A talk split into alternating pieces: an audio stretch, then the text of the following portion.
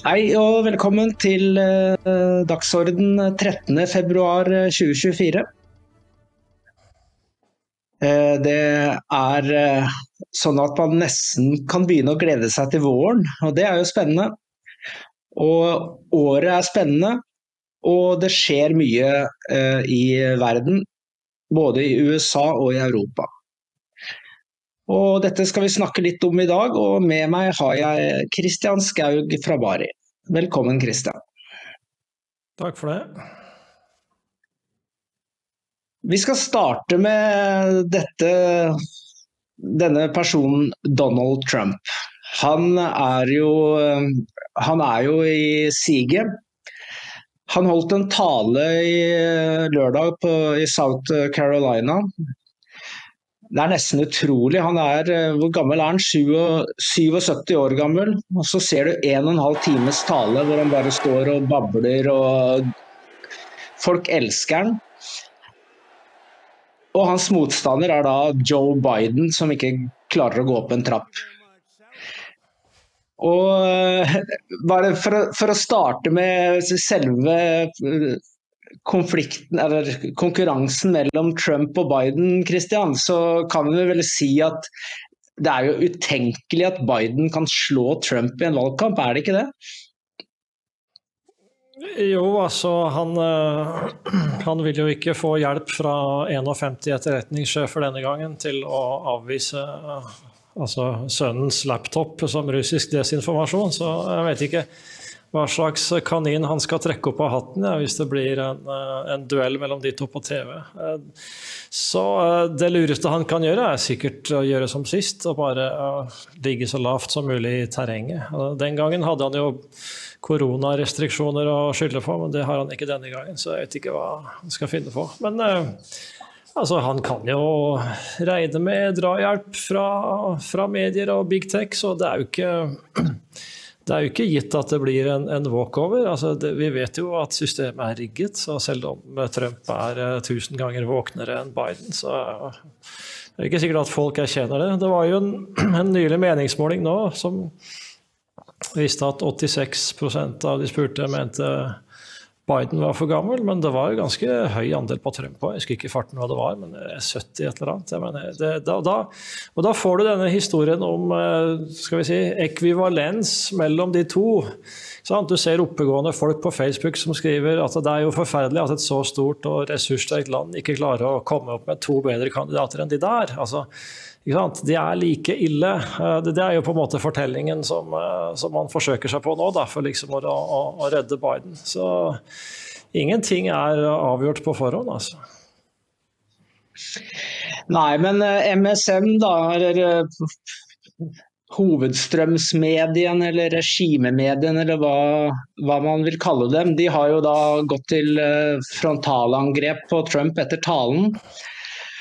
Og jeg så talen, jeg så den faktisk før jeg la meg i går kveld.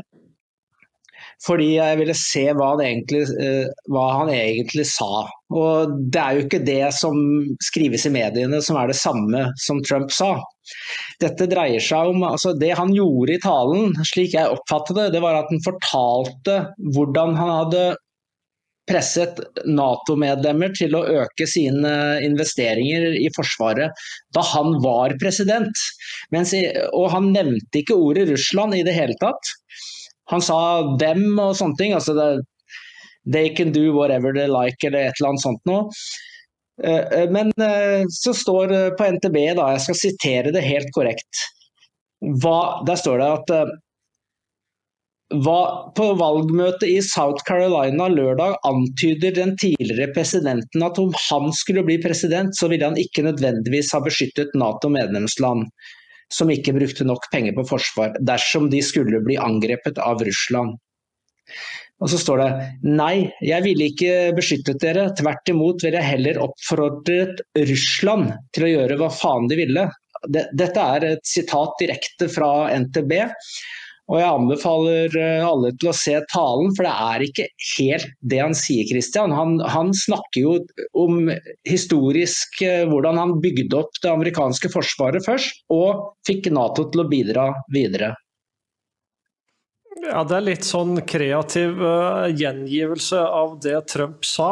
Uh, av og til grensene til det illegitime, vil jeg si. Altså, det, det, hender jo at man ikke gjengir absolutt alt, men trekker sammen.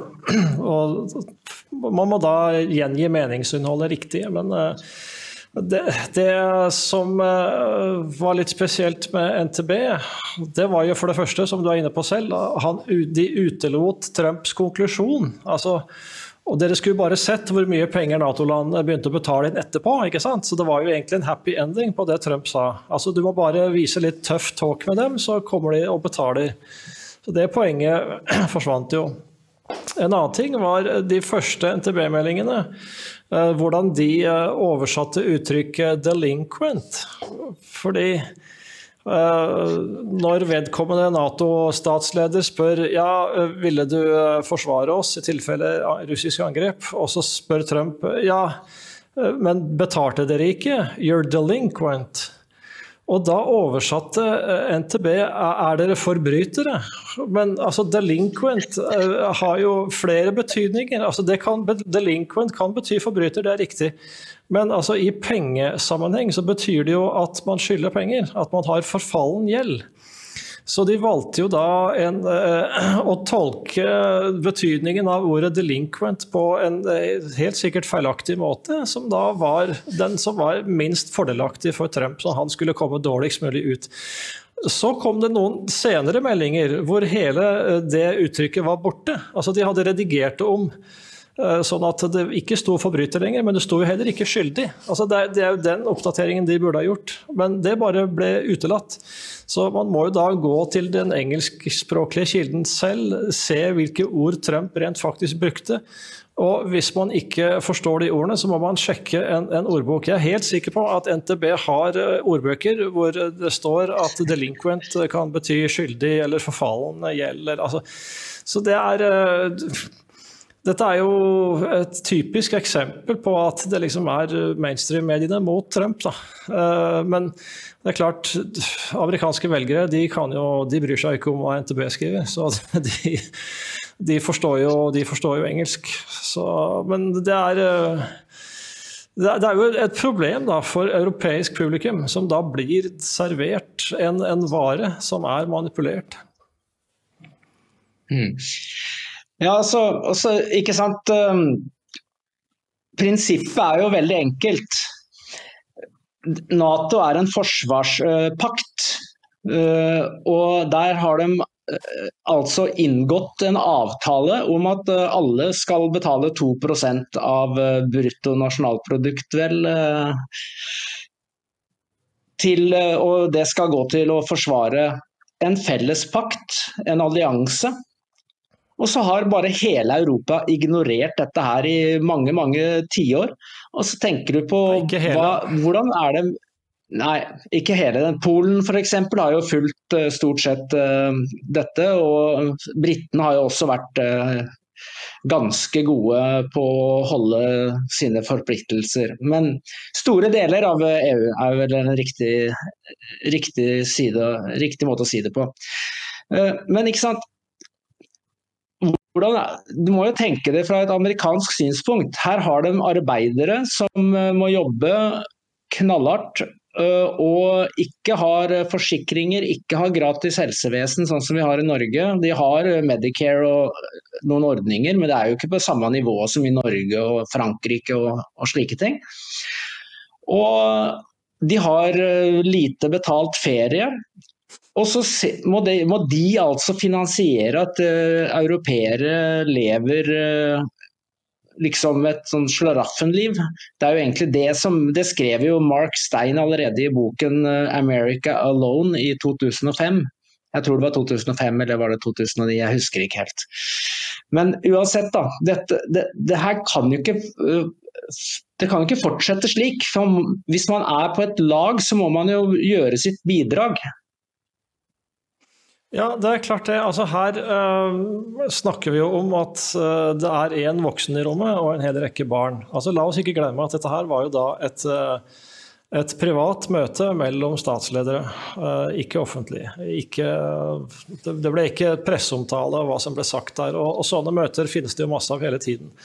Og det er helt opplagt at i sånne møter så blir det sagt ting som aldri kommer offentligheten for øre, fordi at maktspillet mellom land er mye skitnere enn det politikerne har lyst til å la offentligheten få høre. Ok, så La oss se dette fra amerikansk synsvinkel. Her sitter altså da statslederen for et land, vi kan jo prøve å gjette etterpå hvilket det var, jeg tror ikke det er så vanskelig, og, og, og spør liksom ja, eh, vil du forsvare oss, uh, har dere betalt? Nei. Uh, nei, da forsvare. Men det, det, er jo utpressing fra dette landets side. Altså Det sier jeg har ikke gjort min plikt, men jeg forventer jo at du gjør din.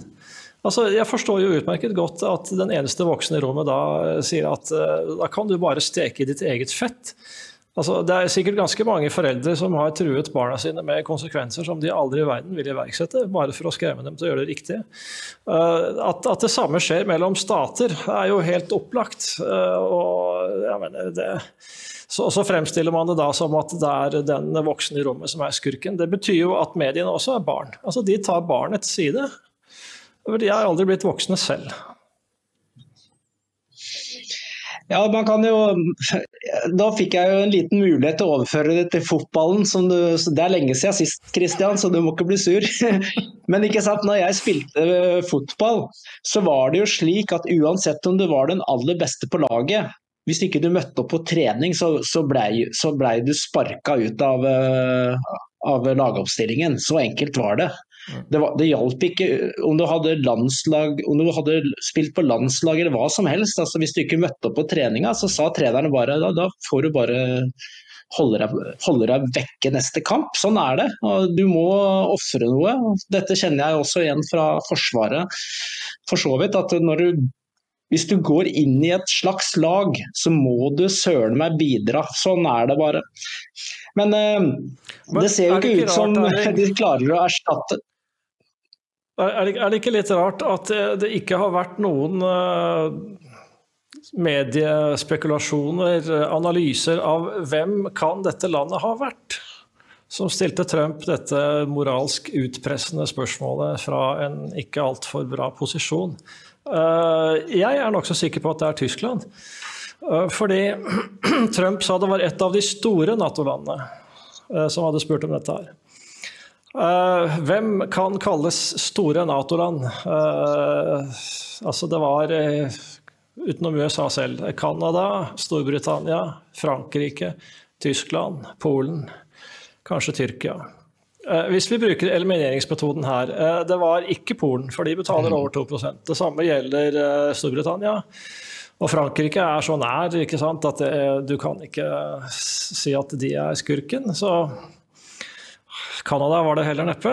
Eh, så vi står kanskje igjen med Tyrkia og Tyskland. Eh, jeg holder en knapp på Tyskland. Og det mener jeg det er gode grunner til. fordi hvis vi husker eh, Angela Merkel etter G7-møtet i Taormina på Sicilia i 2017. Da hadde altså Trump sittet i et halvt år, kanskje så kommer Merkel med en ganske oppsiktsvekkende uttalelse. Og det er at vi vet ikke lenger om vi kan stole på USA. Og Ingen forsto jo hvorfor hun sa det der og da. Altså, jeg mener, hun måtte jo da tydeligvis vite et eller annet som vi andre ikke visste. Eh, samme år så nektet Trump å ta Merkel i hånda. Ikke sant? Eh, der, der eh, så jeg mener det er eh, Hvis du tenker på hvordan Trump har også presset tyskerne på dette med Nord Stream Han sto i, eh, i FN og kritiserte Tyskland for energisamarbeidet med, med, Russland. Og der satt eh, Angela Merkels utenriksminister Heiko Maas og, og resten av delegasjonen og lo. ikke sant? Og de måtte da bite den latteren i seg etter 22.2.2022. Så jeg mener det er jeg vil si det er nesten helt sikkert Tyskland. Jeg syns det er rart at, at ingen andre har, har, deltatt i den spekulasjonen. Jeg tror du er uh, veldig At du er inne på noe, Christian, for å si det slik. Men uh, uansett, da. Uh, nå er det jo da Biden da, som sliter, ikke sant. Og så er det jo snakk om om han kan erstattes. Men du skrev en sak at Politico mener at det vil bli vanskelig å erstatte Biden nå? Kan du referere litt til det? Ja, det, er det de skriver. Altså at uh, De aller fleste statene så er jo fristen ute for å melde på nye kandidater i det demokratiske primærvalget. Så selv om du melder på en i dag, og vedkommende vinner uh, de statene som er mulig, så vil ikke det være nok hvis Biden fortsetter som nå. Så det er Da må det skje noe annet. Da må enten delegatene svikte ham, vende ham ryggen under valgmøtet, eller så må han erklæres for, for altså ikke lenger kapabel, altså ufør eller ja, ikke mentalt skikket. Alt dette vil jo da gi en forferdelig dårlig figur. Så det Politico sier, er at det Biden kan gjøre, det er å, å, å trekke seg selv. De, de, skriver jo da at det ikke er sannsynlig, men Politico må jo også spille kortene sine riktig. Det er ikke sikkert de har lyst til å si alt de vet, så de kanskje bare er med på å berede grunnen sånn litt mentalt, bane vei for at dette kan bli aktuelt. Og så ordlegger de seg forsiktigere enn det egentlig er. Um, så hun Cindy Adams i New York Post hun skrev i januar at uh, familien Obama allerede er i gang uh, i kulissene for å trekke trådene, med, med sikte på at, at, Michelle Obama kan bli kandidaten på, på, valgmøtet i august. Så det er jo en interessant uh, hypotese, kan du si. Det er jo morsomt også at i, i kommentarfeltet til den saken om Politico og Biden, så er det jo noen våkne som skriver det at hvis, hvis uh, eliten i det demokratiske partiet ønsker å bytte ham ut, så vet jo de at de har nok dritt på han via FBI og CIA og NSA til at de kan si at uh, hør her, hvis ikke du trekker deg frivillig, så, så, kommer vi til å ødelegge ryktet ditt for evig og alltid. Altså, eller hvis, uh, hvis han får sterke nok trusler internt, så blir han nødt til å trekke seg. Så det er jo den eh, Det er jo kanskje den det utfallet som er sannsynligst, da, hvis, hvis det blir sånn at Biden ikke, ikke, stiller. Og da Det vil jo være sensasjonelt i så fall. Men det er vel ikke Er det noen andre alternativer enn eh, Michelle Obama, egentlig? Jeg kan ikke se noen andre alternativer. Ikke som jeg kom på i farten. Altså, jeg vet ikke om hun er noen spesielt god kandidat, men altså, hun er svart og hun er kvinne. Og, og mulig det er litt sånn dårlig omen at Trump har beseiret eh, kona til en tidligere president før. Da. Så, det ville være en fin skalp å ha to ja, det kan være det. Yes, Vi skal la amerikansk politikk ligge litt, og så skal vi ta en liten pause for å se en kort reklamefilm. Hei! Vi i Dokument er glade for at du Leser oss hver dag. Lytter til dokumentradio. Og ser på Dokk TV. Redaksjon produserer døgnet rundt. Og trenger både abonnement og donasjoner. Dokument er unikt i Norge. Vi er det eneste virkelig konservative mediehuset. Støtt oss på VIPS nummer 638941. Det Kent sa Vips nummer 63 89 41. 63 89 41. Eller bli abonnent.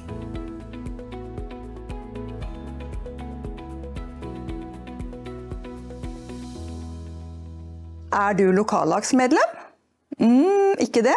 Nei, da har du muligheten å melde deg inn. Velkommen til oss. Vi skal snakke litt om uh, norsk, uh, norske forhold. PST har kommet ut med sin trusselvurdering.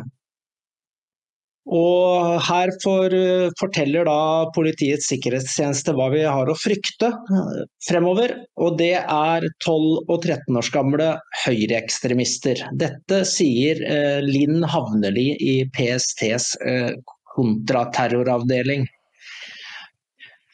Og så står det her Den yngste vi har avslørt var en norsk gutt på tolv år med høyreekstremistisk tankegods.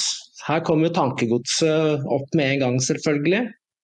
Og det er høyreekstremisme som er den store trusselen for Norge. Og så er det de vanlige forklaringene.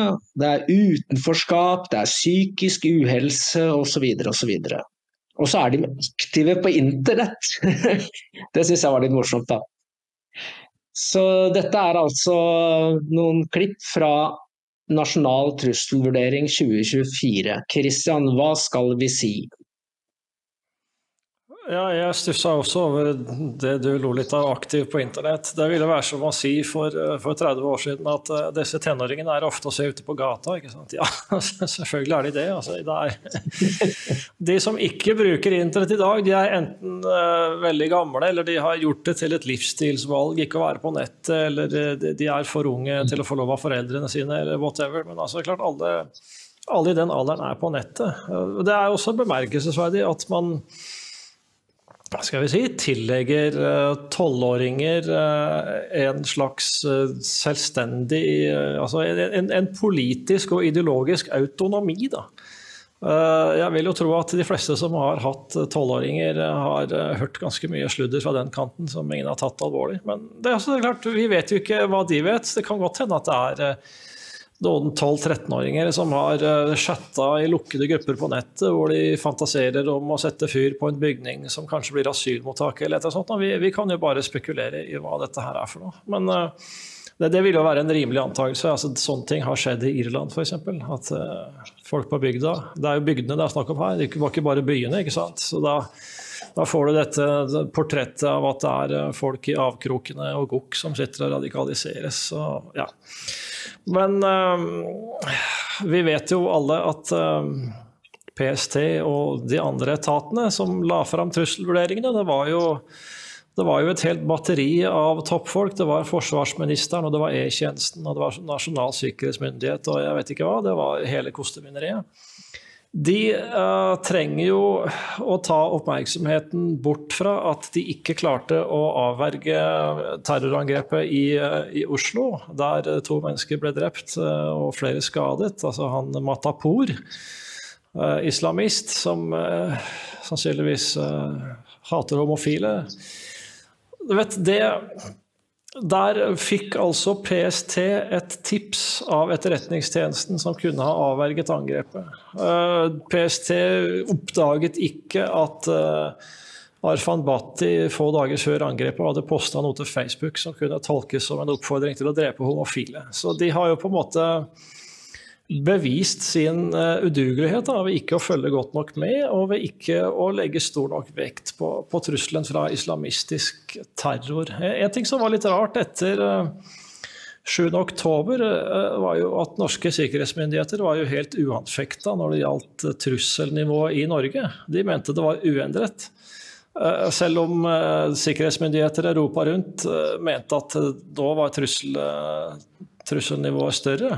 Fordi at det var lett å tenke seg uh, altså at Hamas, uh, Palestina-sympatisører, uh, kunne, kunne, begå terror. Så jeg vet ikke helt hvordan de norske myndighetene rettferdiggjør at det liksom er uendret. Kan det være fordi at ja, nå er kanskje Trusselen fra høyreekstreme har gått litt ned, og den, den, fra islamister har gått litt opp. Så kanskje sånn i sum så er det omtrent likt. Men det er, det, det, dette overbeviser ingen, tror jeg.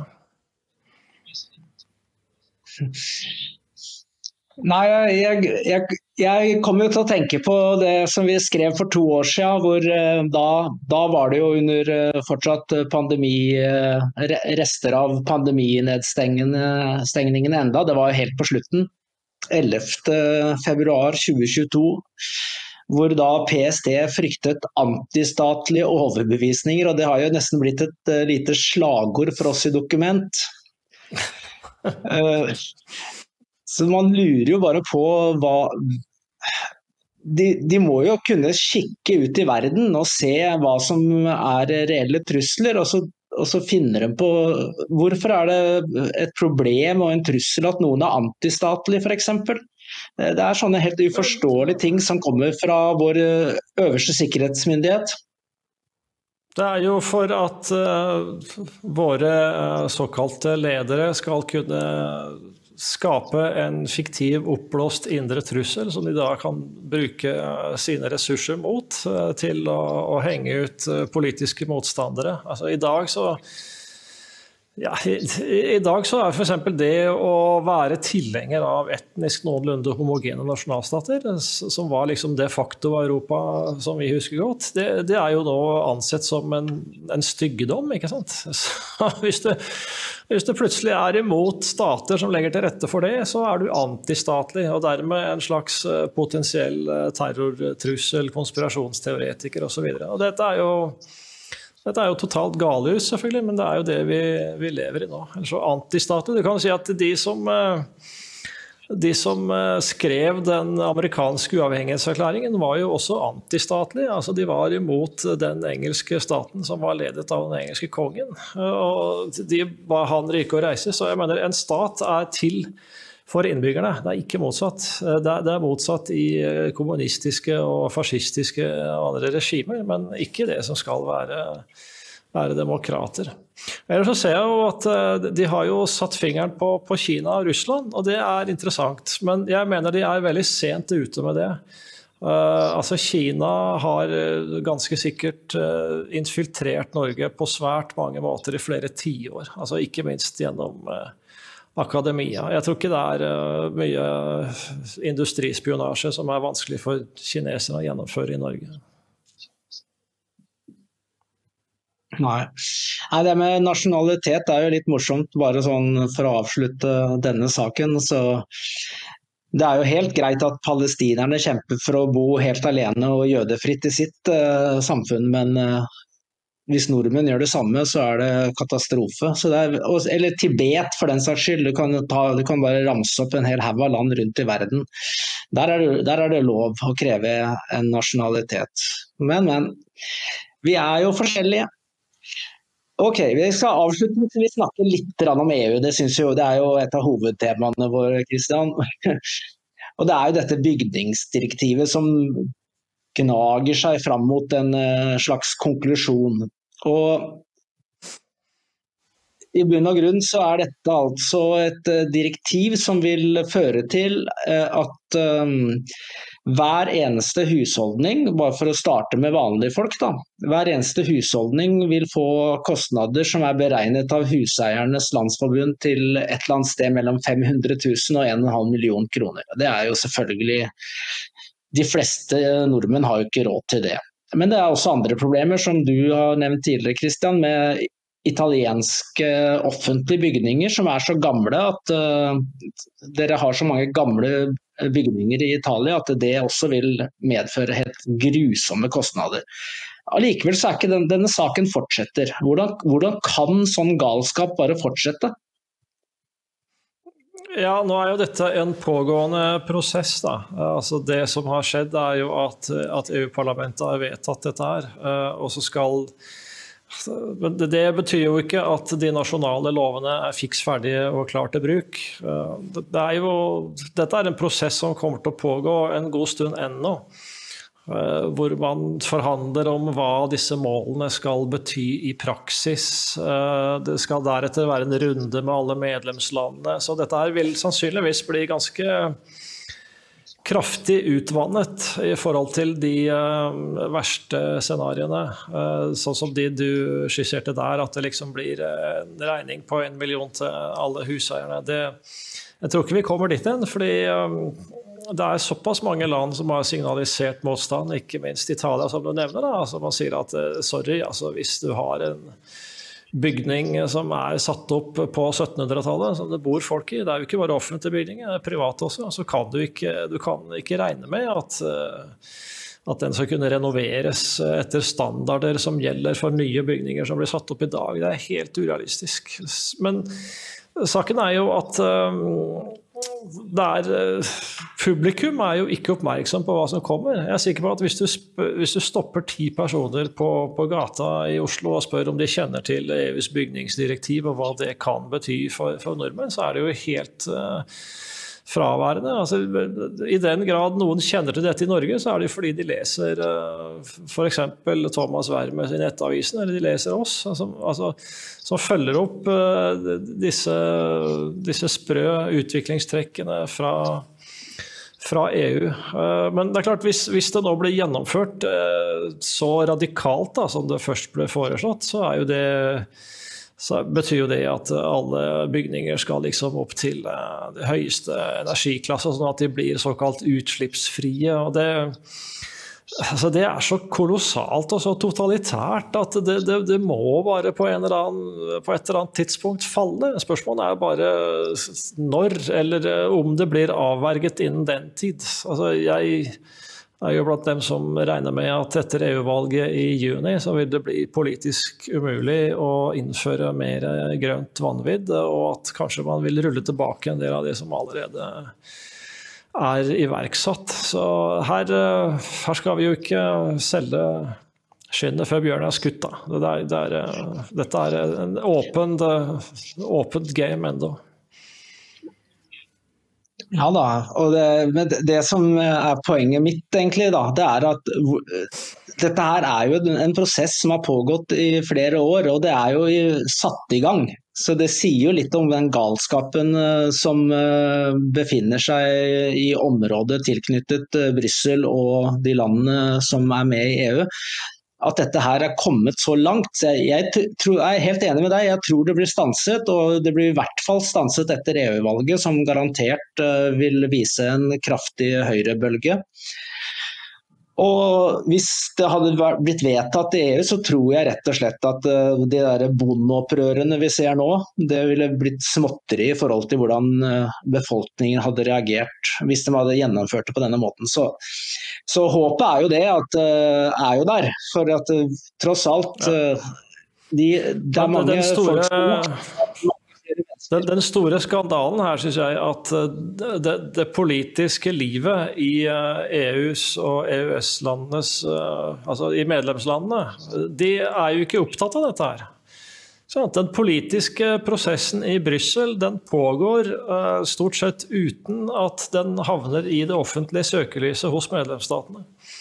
Og det er jo ikke bra, for jeg mener nesten alt av nye lover kommer jo fra Brussel. De kommer jo ikke fra nasjonale parlamenter. I hvert fall ikke lover som har noen betydning for hvordan samfunnet skal se ut i framtida. Så alt bestemmes jo der. Eh, og da burde det jo være en selvfølge at nasjonale politikere og nasjonale medier følger nøye med på hva som skjer der. Men det gjør de jo ikke. Det, altså, det er uh, journalistikk om uh, ja, den politiske prosessen altså i detalj eh, fra Brussel, det, det, det finnes jo nesten ikke. Nei. Det er eh, Du har helt rett, Kristian. Vi skal eh, avslutte. Og det er jo alltid trist å avslutte med EU, da. Så til noen av dere så kan dere jo glede dere med at i dag så er det Champions League igjen, så da har vi noe å gjøre utover kvelden. Til alle dere andre så er det sikkert en opera eller et uh, kunstprosjekt dere kan gå og kikke på. Og så får vi bare håpe at EU tar til vettet, at Trump vinner valget, og at uh, det skjer noe i norsk politikk også, som uh, rett og slett eh, begynner å fokusere på borgerrettigheter istedenfor disse uforståelige menneskerettighetene. Så altså, tusen takk, Kristian, til at du stilte opp. Trendene går jo i den retning. Altså, mener, det, er, det er viktige underliggende trender som gir grunn til optimisme.